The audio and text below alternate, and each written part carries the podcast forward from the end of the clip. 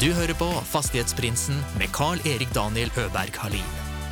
I denne podden får du følge med på eiendomsinvestorer fra Sverige og Norge når de deler sine erfaringer og tips med oss lytterne. Gjestene er alt fra småbarnsforeldre med sin første enhet, til de mer etablerte haiene. God fornøyelse. Hjertelig velkommen sier jeg til Eiendom med Fastighetsprinsen! Nordens største eiendomspodcast med mig, Daniel Öberg Hallin, en host. Hoppas allting är bra med er. Det är superbra med mig. Och vi har satt samman ett riktigt grymt avsnitt idag. Det är fyra tidigare gästers affärsanalyser. Det är för att när jag själv startade och söka efter inspiration om, alltså i poddar eller på Instagram eller på Youtube så var det just de här momenten som jag älskade och det vet jag att det är många som gör också. När folk delar med sig om detaljer av en genomförd deal. För att det blir liksom väldigt konkret hur de gjorde det och vad som hände och varför de gjorde det. Och det kan man ju ta med sig och antingen inte göra eller att göra. Denna vecka så har vi med oss fyra gäster från Norge. Nästa vecka kommer det fyra gäster från Sverige. Och det är lika bra att lyssna på båda två, även om du är, inte är, besitter samma nationalitet. För det är massa metodiker som man kan ta med sig. Och tankar. De fyra gästerna som vi har med oss i denna vecka, det är Johan Rasting fra Boko Bokolivin.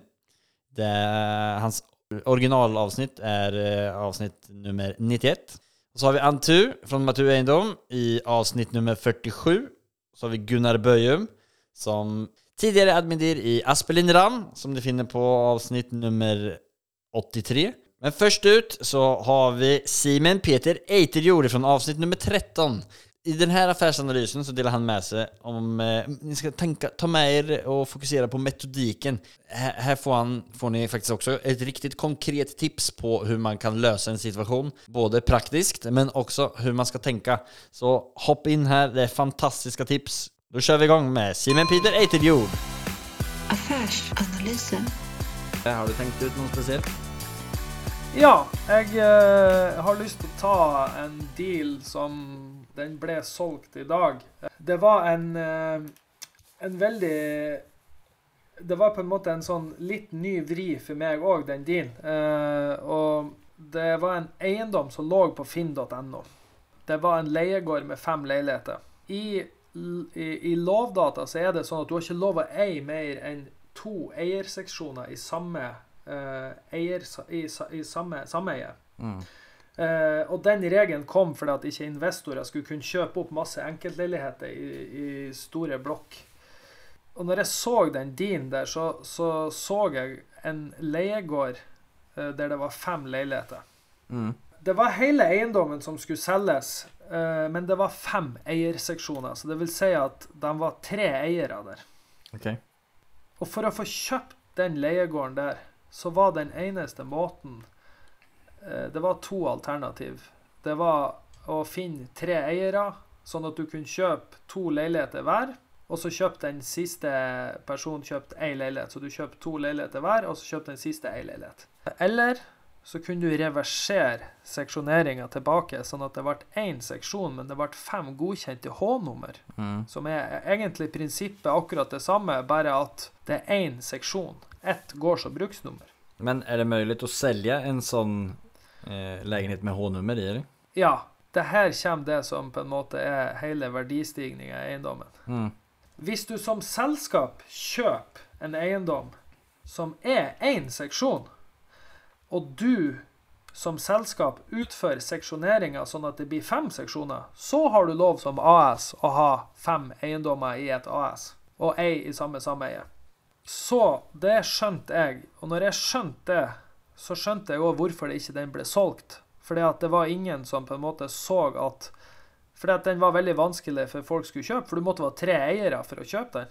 Så det jeg gjorde, jeg tok en dialog med kommunen, så jeg ringte til plan- og bygningsetaten i Fredrikstad kommune. Så ba jeg om å snakke med en overingeniør der, som jeg har prata med tidligere. Så forklarte jeg han hele casen, tok han igjennom eiendommen, hadde et telefonmøte på Skype, og så sier han hvis dere sender inn en enkel søknad om å reversere seksjoneringa tilbake til én seksjon, så vil det være ett seksjonsnummer, og da kan dere kjøpe den med et AS. Så jeg la inn et bud på eiendommen. Jeg la inn et bud, eh, 100 000 i prisantydning, som var på eh, horrible 4,9 millioner. Mm. Og eierne, de da lå det med et forbehold om at jeg skulle reseksjonere det tilbake. Jeg brukte fire måneder cirka for å få denne saken igjennom, og jeg klarte det. Så da fikk jeg den, de fem leilighetene reversert til et seksjonsnummer, og da kjøpte jeg eiendommen med et AS. Men kunne du gjøre det even fast du ikke var eier av eiendommen? Ja, for jeg fikk fullmaktssignering fra eierne, alle tre eierne, om at jeg kunne reversere den seksjoneringa tilbake. Ok, det var smart. Ja. og da har vi plutselig Da har vi et AS som hadde fem leiligheter som har vært seksjonert, som du kan lett seksjonere tilbake igjen, for at de har allerede vært seksjonert. Og så har du en leiegård som står og leier seg ut. Shit. Det var et riktig uh, råtips. Så verdien, uh, basert på den der oppgaven som jeg gjorde der, den praten jeg tok med plan- og bygningsetaten, så steg eiendommen fra 4,9 til 6,7 millioner på seks måneder. Ja, wow. Og det var fordi at nå kunne plutselig investorer kjøpe bare AS-et, single purpose-selskap, for jeg hadde lagd det i en holdingsstruktur så mitt driftsselskap eide den eiendommen som et eget selskap. Mm. Og det var på en måte planen hele veien. Og det var, det var på en måte lå i kortene at den verdistigninga kom. Vi hadde estimert det for at det skulle være en større del investorer som kunne være interessert. For det er på en måte Det å finne leiegårder med fem leiligheter i seg sjøl er på en måte en ganske vanskelig sak på det åpne markedet. Mm. Hur, fan, hur, hur finansierar du dealen? Jeg finansierte den med egenkapital. Eh, 25 på kjøpet. Vilket år, Eh. vilket år var det du köpte den? Den her kjøpte jeg i fjor. Ja, okej. Så det var en, eh, ska man säga, nästan en flipp? Ja, det var en flipp. Ja. Och så sålde du den nå. Ja. Nu, blir, jeg är jag spänd på Eh. vad den gick för då. Ja, den gikk for eh, 6,7 millioner. Ja. Jeg eh, kjøp, solgte den sammen med en annen eiendom som jeg òg kjøpte i fjor. Eh, som òg er en bygård med fem leiligheter. Okay. Så han, eh, han ga eh, 13,9 millioner for begge to leiegårdene. Og det er klart, når jeg har hatt en snittpris på 5 millioner per leiegård, så ble det en hyggelig gevinst på seks måneder. Ja, grymt. Hva skal du gjøre nå da, framover med det da, når du har realisert det? Vi har noen nye eiendommer i sikte. Jeg har en uh, ny eiendom. Jeg kan ikke røpe adressen, for jeg vil ikke noen andre skal få ta den. Nei. Nei. Men, uh, men vi, vi, vi ser litt på både bolig og, og næringseiendom, egentlig. Men uh, det, er, det er veldig lukrativt å investere i eiendom for tida. Renten er lav. Mm. Det er gode leie, leiepriser, så det er Jeg sitter egentlig og, og ser hver dag på eiendommer, egentlig. Ja, superkul. Ja, men takk for at du deler med deg om det. Ja, som sagt. Takk, Simen. Det her var fantastisk at du deler med deg av det her. Det som är, eh, det som er så grymt med det är som sagt metodiken och det här med att man liksom lägger in ett bud. Du ser en möjlighet, du lägger in ett bud med ett förbehåll om att du ska göra en viss sak. Eh, som är då värdeskapande under tiden som tidigare ägare fortfarande sitter på det. Och sen det, om du får igenom det så har du ju med andra ord tryckt pengar. Du har köpt något för 4 miljoner och så är det värt 6 miljoner när du köper det. Ja, smart kille. Mycket smart kille. Och jag vet att han har gjort massa smarta grejer framöver. Eller efter, eh, efter det här också. Eh, Nu hoppar vi vidare till vår nästa affärsanalys som är Gunnar Böjum från avsnitt nummer 83, tidigare eh, administrerande direktör på Aspelin Ram. Han tar oss med genom ett projekt som ni kanske har hört talas om, Somero Hotel, sammen med Petter Stordalen. Och det är ett väldigt spännande projekt som har varit med om lite, lite utfordringer. Det har vært pandemi, det har vært brand i båter, og det har vært krig og det har vært det ene og det andre. Og så tar han opp veldig mange unike tanker rundt omkring det. Så hopper vi videre inn til den affærsanalysen med Gunnar Bøyum. Affärsanalysen. Den kanskje mest aktuelle og mest spennende er jo kanskje det sommerhotellet som jeg nevnte tidligere, som, som vi eier sammen med Stordalen og Warner-familien. Og eh, hvor når vi kjøpte, så visste vi ikke helt hva vi kunne få lov til å bygge der. Eh, så vi visste at vi hadde en betydelig ambisjon om å, å ta vare på det som var verneverdig fra 1931, og bygget sto ferdig. Eh, så ser vi jo så setter vi i gang og lander på hotellsporet at det er det vi vil bygge. Så går vi i gang med bygging i 2019. Så skjer det noe 12.3.2020 som gjør at vi, vi fikk, eh, vi fikk eh, litt å tenke på. Var det lurt å bygge et hotell, kanskje i en verden hvor reisevirksomhet ville bli enda mindre, mm. og kanskje til dels helt borte i perioder? Så vi skal ikke legge skjul på at det var med en viss bekymring for vårt hotellengasjement når, at vi hadde det når pandemien slo til for fullt. Ja. Eh, det kunne jo sånn sett gjelde overfor kontoret òg, når alle skulle ha hjemmekontor. Men så ser vi Da, da var vi kommet såpass langt at vi, vi fant det riktig å fullføre. og, og håpe og tro at helsemyndighetene ville få kontroll på pandemien, og reiselysten skulle komme tilbake. Mm. Så ble jo det var en krevende byggesituasjon med 400 bygningsarbeidere og pandemi, eh, med smitteverntiltak etc. Og prosjektet ble jo ikke noe lettere på leveringssiden når pandemien ble avløst av en krig i Ukraina. Eh, og eh, vi flyttet jo veldig mye av spesialproduksjon av møbler fra Asia til Spania, Baltikum og Portugal for å ha kortere transportvei i forbindelse med planlagt åpning nå i, nå i høst. Mm. Og, og, det blir litt sånn eh, Det, det er litt sånn Murphys law når da de siste to trailerne med, med møbler eh, skulle komme morgenen før åpning, så leser vi i avisen at det er brann på en ferje i Østersjøen. Det tenkte vi kanskje ikke så mye på, helt helt til vi hørte at vi selvsagt hadde et stor møbellast på vei der. Så det prosjektet der tror jeg liksom har opplevd det meste som vi selv mm. ikke har hatt kontroll på. Ja. Eh, det både i det å bygge i en pandemi, det å få leveringsutfordringer pga. krig i Europa, så tror jeg et bilde vi vil se, er jo at eh, det vi har som et gryende, og som jeg tror et enda større problem i tiden fremover, er å få tak i nok arbeidsfolk okay. til å bygge de byggene vi planlegger. Vi eh, utdanner for lite fagfolk til vår næring. Vi, vi eh, har vært avhengig av gjestearbeidere. Baltikum, Polen, eh, Sverige, hele Europa, sånn sett. Det er jo et tankekors at uh, når Putin taper, som jeg liker å si, når og ikke hvis, mm. det er at kanskje vi her i Norden kommer til å mangle enda mer bygningsarbeidere.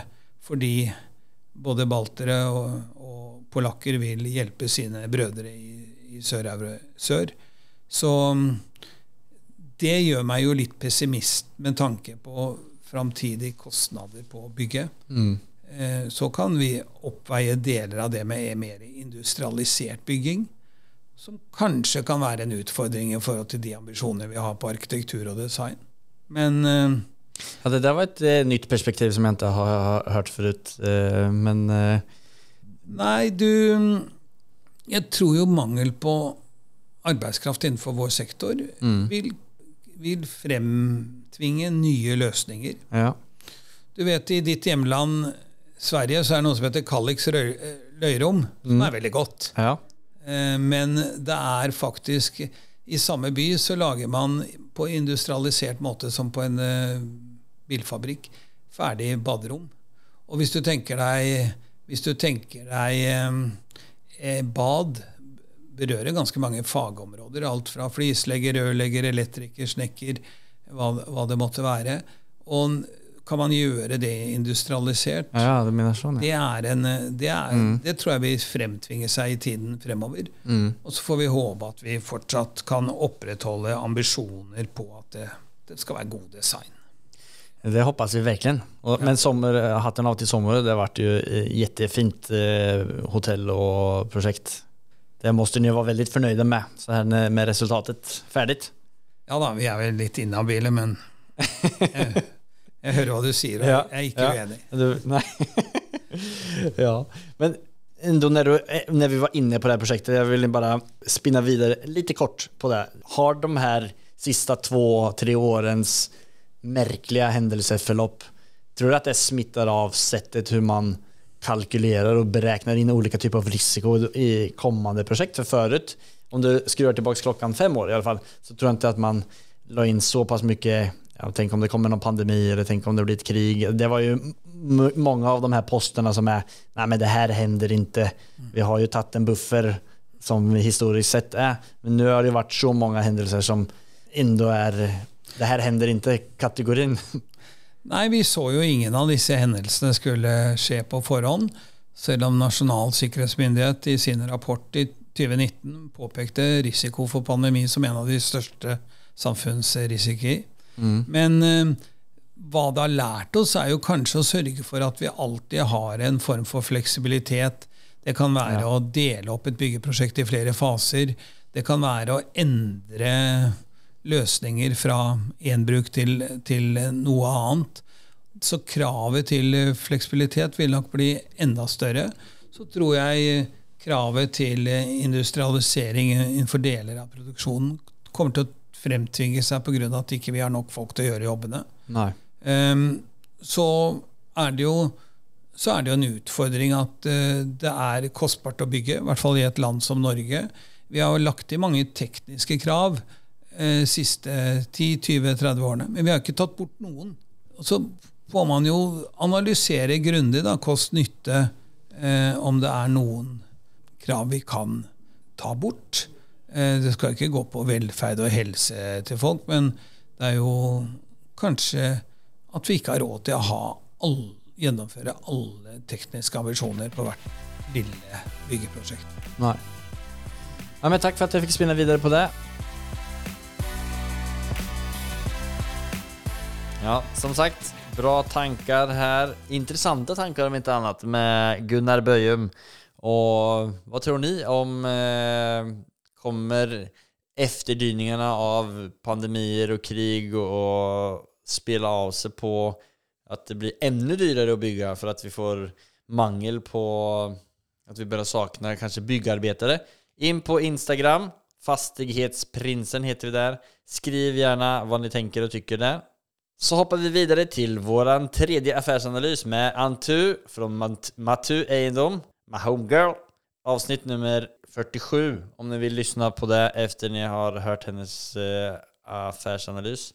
Här hoppar vi igenom två deals. Hon snackar så jäkla fort vet du, så vi slänger ihop en bra och en dålig affärsanalys. Och det handlar lite om guldlister, 50-tals utan hejs och Martin Ödegård och budstrategier. Så, over to the affairs analyze. Affärsanalysen. Eller jeg kan ta første prosjektet vi gjorde på vestkanten, Ja. som ikke gikk så bra. Eh, vi kjøpte den for eh, 6,8, og der valgte vi å ha tre soverom og ett bad. Ja. Men vi tok et stort bad, sånn at den hadde badekar og dusj og WC. Kjempefine materialvalg. Vi brukte masse penger på materialene, og vi kjørte all in på oppussingen.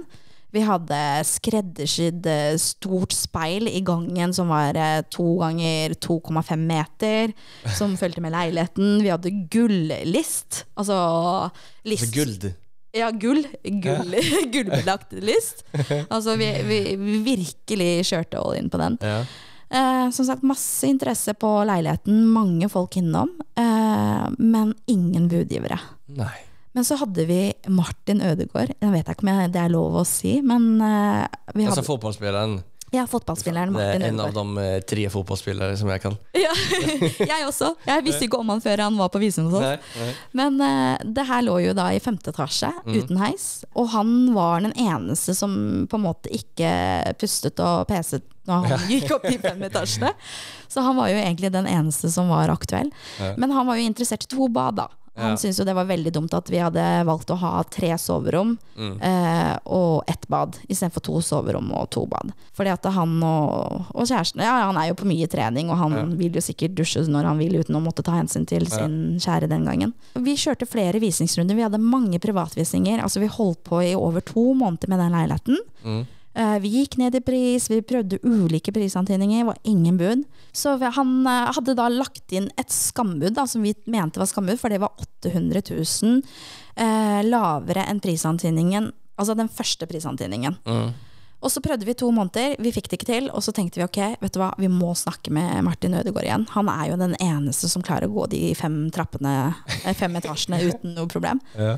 Eh, Så Emil gjorde en, da, var, da var det Emil faktisk som var megleren vår den gangen. Ja. Eh, og han gjorde en fantastisk jobb, fikk pratet med Martin igjen, og eh, han fikk en veldig god dialog.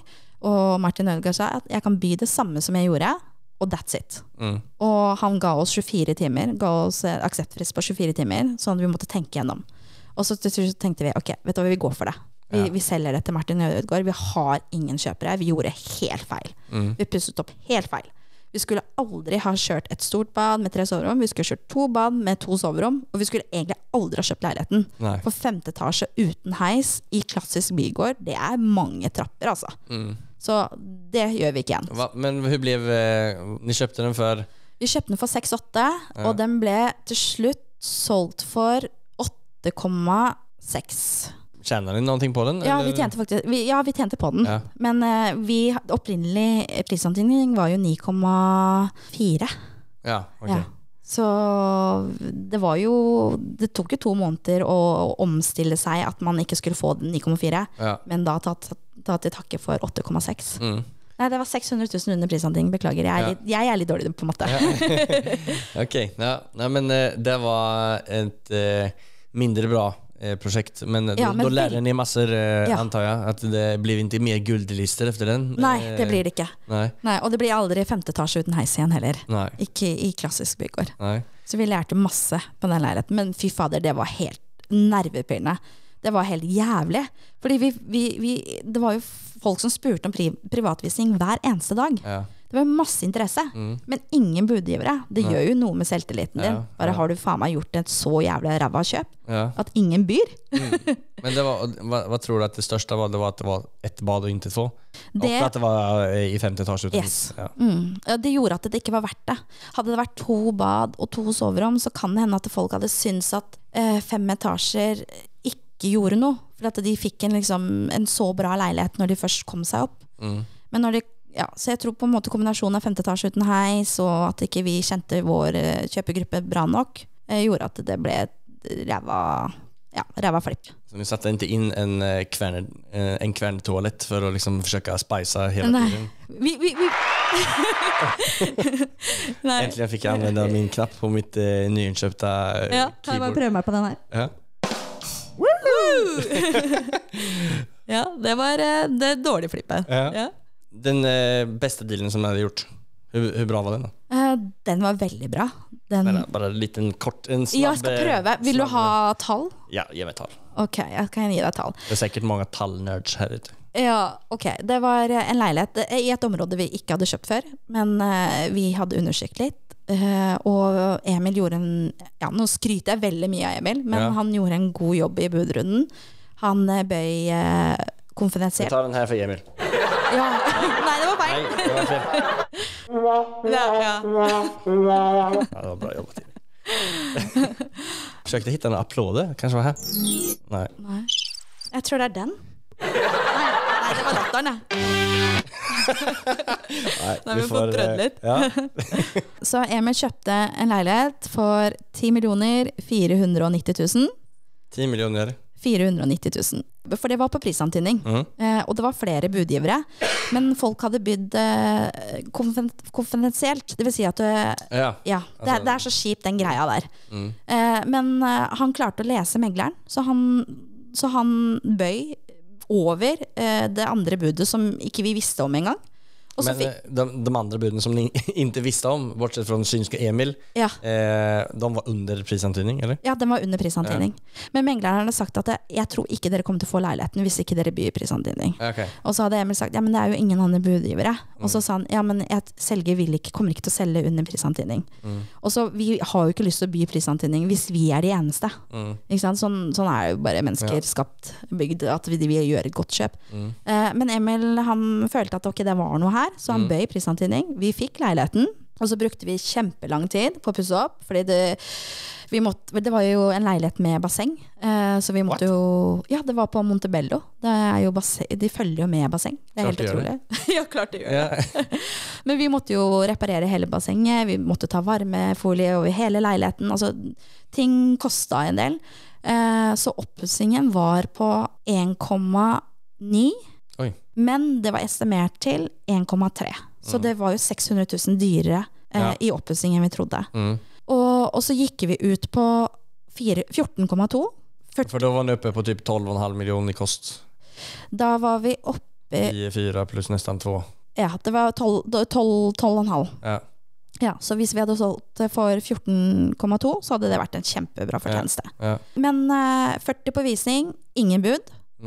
Og det var liksom det var, eh, Tilbakemeldingen var at det ikke fantes en eh, utvendig bod. Eh, Så vi kunne ikke gjøre noe med det. Det var ingenting vi kunne gjøre med leiligheten for at den skulle være attraktiv. attraktiv. Så vi gikk ned i pris. Vi gikk ned til 13,6. Vi gikk ned ganske mye for å få inn folk igjen og få til en budrunde. Fortsatt 40 stykker på visning. Ingen bud. Og så kom det inn et skambud fire dager etterpå på 12 millioner. Ja, det gikk jo ikke. Men det var det som skapte budrunden. Så plutselig så kom det jo tre andre budgivere på banen. Okay. Og den gikk jo til slutt for 14,9. Å jækler! ja. Er det sant?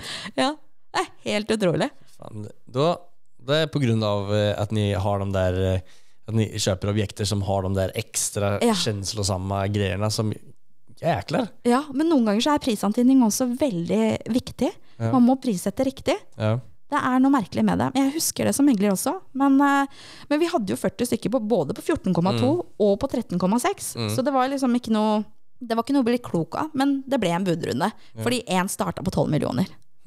Ja. Så ja, det var, eh, Det var vårt beste en, salg. eh, en sånn lite eh, tro, det? gav lite hopp. Ja, ikke Ja. sant? Ja, Når det, når det er liksom litt dystert så, så kommer det en som bare legger inn et, et dårlig bud og så kan det trigge i gang verdens lavin. ja det er helt utrolig. Ja, Men, eh, men det var veldig deilig. Det var så gøy. Eh, og det var jo som sagt, eh, på den gangen var det vårt dyreste kjøp og vår dyreste oppussing. ja. Så vi, når vi ikke fikk til de begge visningsrundene, så var vi litt deprimerte. Vi var jo sånn ok, dette her er faktisk ikke vår nisje, vi, vi får det ikke til, vi har kanskje ikke brukt riktige materialer. Eh, bla, bla, bla. Vi begynte å liksom bryte oss selv ned, da, rett og slett. Men så gikk det jo, så vi bare ok, men da får vi det til. Da klarer vi dette her, da. Da gjør vi sånn her igjen. Og så har vi gjort det siden. Ja. Så nå er vi liksom bare egentlig nesten på store prosjekter. Ja. Grymma ni är alltså. Jäkligt bra. Kul å høre. Altså, Ja, ni är tack. Och ni som eh, inte har varit inne och kikat på er hemsida eller Instagram så måste ni gå in och kolla. Det länkar vi till i beskrivningen också. Matu Eiendom.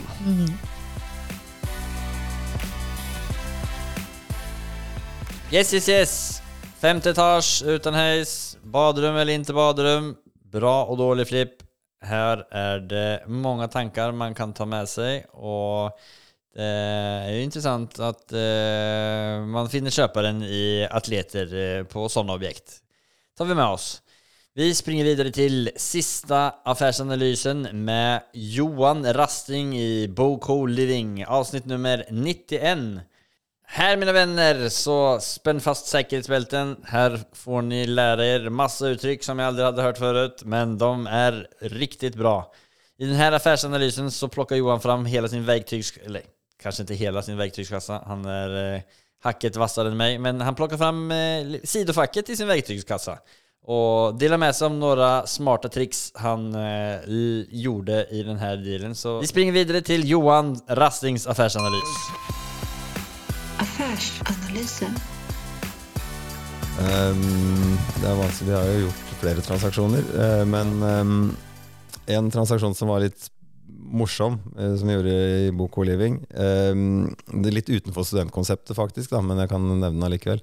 Vi kjøpte to hybelhoteller i gamle Telemark. eh, Brevik og Herøya hybelhotell. Ja. eh, Av en god venn av meg. Mm. Eh, Men av forskjellige grunner han keen på å selge de. Det er litt sære objekter. De hadde ligget i markedet lenge. Uh, og hybelhotell, det er uh, hur... Nei, det bor, arbeid, det bor arbeidere der Ja. som jobber med industrien. Mm. Eh, det er en Men stor- vad är det for type av bygg? Er det et gammelt hotell eller er det Eh, Nei, det ble bygget av? Hydro, tror jeg, til sine arbeidere Ja, okay. i, for lenge siden. Ja. Men så hadde det vært korona og mindre arbeidere her, Mm. og litt dårlig, uh, inntekter. dårlige inntekter. Og så fant vi ut at ok, disse to eiendommene de får vi for eh, 40 millioner omtrent, Mm. og så litt skatterabatt. Mm. Og så snakket vi med banken, for vi Jag måste bare stoppe det. Hva minner du med skatterabatt? Uh, en liten uh, man, man, man man reduserer har, ja, eh, en, en, den, man, Latentskatt, typ. Den latente skatten, ja. At man eh, slipper å betale for den. Ja. Og det, där, justere for den. låt si at husen er verdt 40 miljoner. Men så er de bokført til eh, fem. Ja. Eh, Så kan du si at eh, der ligger det, hvis du da skal selge ikke selskapet, men eiendommen, Mm. da ligger det en, en, ja da, da, får du betale en... en skatt En på den, skatt. den uh, Men så lenge, man sitter, så lenge, den sitter kvar i det selskapet, så... så, så får du ikke da, da, får du ikke, da må du ikke betale den skatten. Men der, og så er det alltid mye spørsmål om man skal ha om det er riktig å justere for latent skatt i boligtransaksjoner. Ja, altså at, man ska, att eh, det er folk som ikke mener at man skal justere for det, eller at man skal anvende den Ja, ja for det, det, blir, eh, det vil aldri bli en realitet. Nei. Nei, for det vil jo ikke. det finnes vel ingen anledning til at noen skulle ville plukke det ut ur selskapet når det ligger eh, 95% skatt som du må betale? Nei, men så kan det være hvis du kjøper et, eh, en useksjonert leiegård, Ja. som da egner seg til seksjonering og Ja, ja. selge piece by piece, f.eks. Mm, mm. Da vil det Det bli ser aktuelt, f.eks. Ja. Men i hvert fall her var det en liten justering for, for den eh, latente skatten, så prisen ble vel 39. Mm. Og så snakket vi med banken, og så fikk vi ta over Selgeren var stor og sterk, og eh, vi fikk, men allikevel fikk vi lov til å ta over selgerens gjeld, som var på 31,5 millioner eller noe sånt nå. Okay. Uh, og eh, diffen imellom der, det var den egenkapitalen vi trengte. Ja. Men eh, den skaffet vi til veie ved å trykke aksjer til denne selgeren. Sånn at, Ja, så eh, han satt kvar i... nei, nei, så han nei. fikk eh, Oppgjøret fikk han i aksjer i Bo Co-Living. Ja, og da kom den her eh, min nye tatuering inn. Ja, ikke sant? Så da, Hva heter den mekanismen? eh, Yield-kompresjon. Ja. Ja. Mm.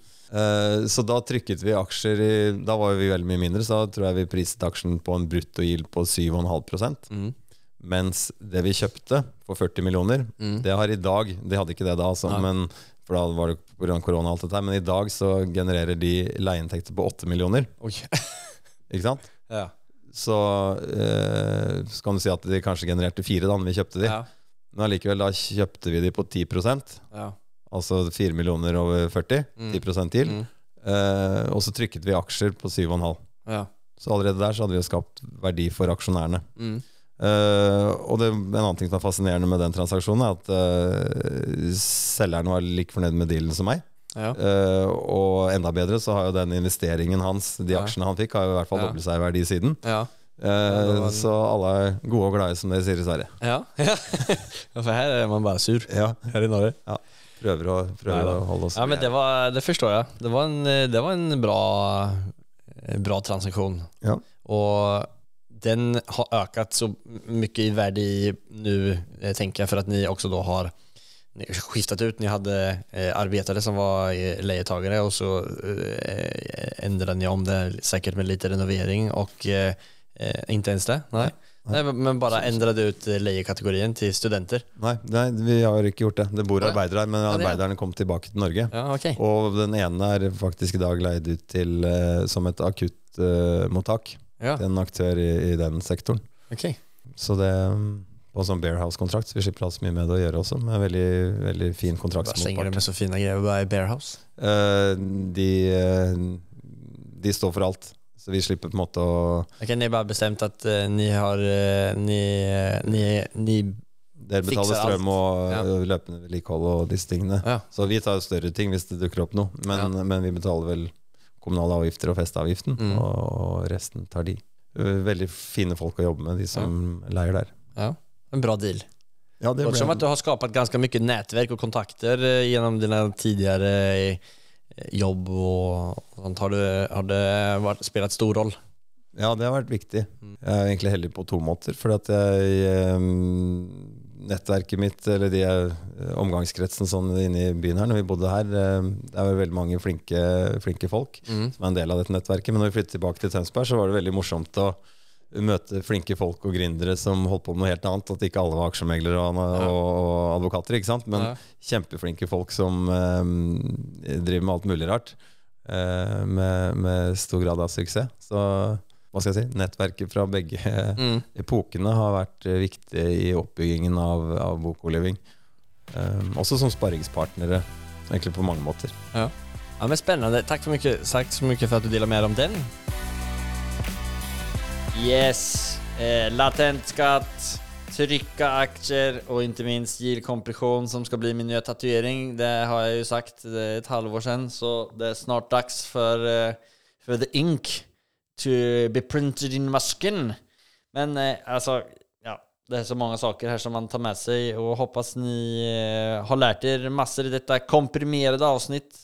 Borde nästan kanske sagt i tid eh, i starten av avsnittet att ni skulle plocka fram papper och penna. Men eh, det hoppas jag att ni kanske har bättre minnen enn mig själv. Eller så har ni valmöjligheten att spela tillbaka, lyssna på det en gång till. Eller också hoppa in då på Siemens eh, avsnitt, episod nummer 13, Gunnars avsnitt nummer 83, eller Antus avsnitt nummer 47, eller Johan Rastings avsnitt nummer 91. Nästa vecka så kör vi igång ett liknande avsnitt med My Swedish Buddies. Fyra stycken affärsanalyser ifrån svenska tidigare gäster. Och det må ni bara inte missa. Och så får ni jättegärna dela med er om eh, det är någon ni inte känner som eh, behöver höra talas om Fastighetsprinsen. Så uppskattar jag jättegärna om ni skickar vidare avsnitt, lägger upp på sociala medier, sånt som man gör. Yes! Nu har ni fått lyssna färdigt på fyra stycken magiska affärsanalyser och kan inte vänta till nästa vecka. Då tycker jag att ni bara scrollar igenom alla tidigare gäster eller hör på en av de här fyra fram tills dess. Ha en fortsatt fin sommar. Det skal jeg ha. May all the deals be with you.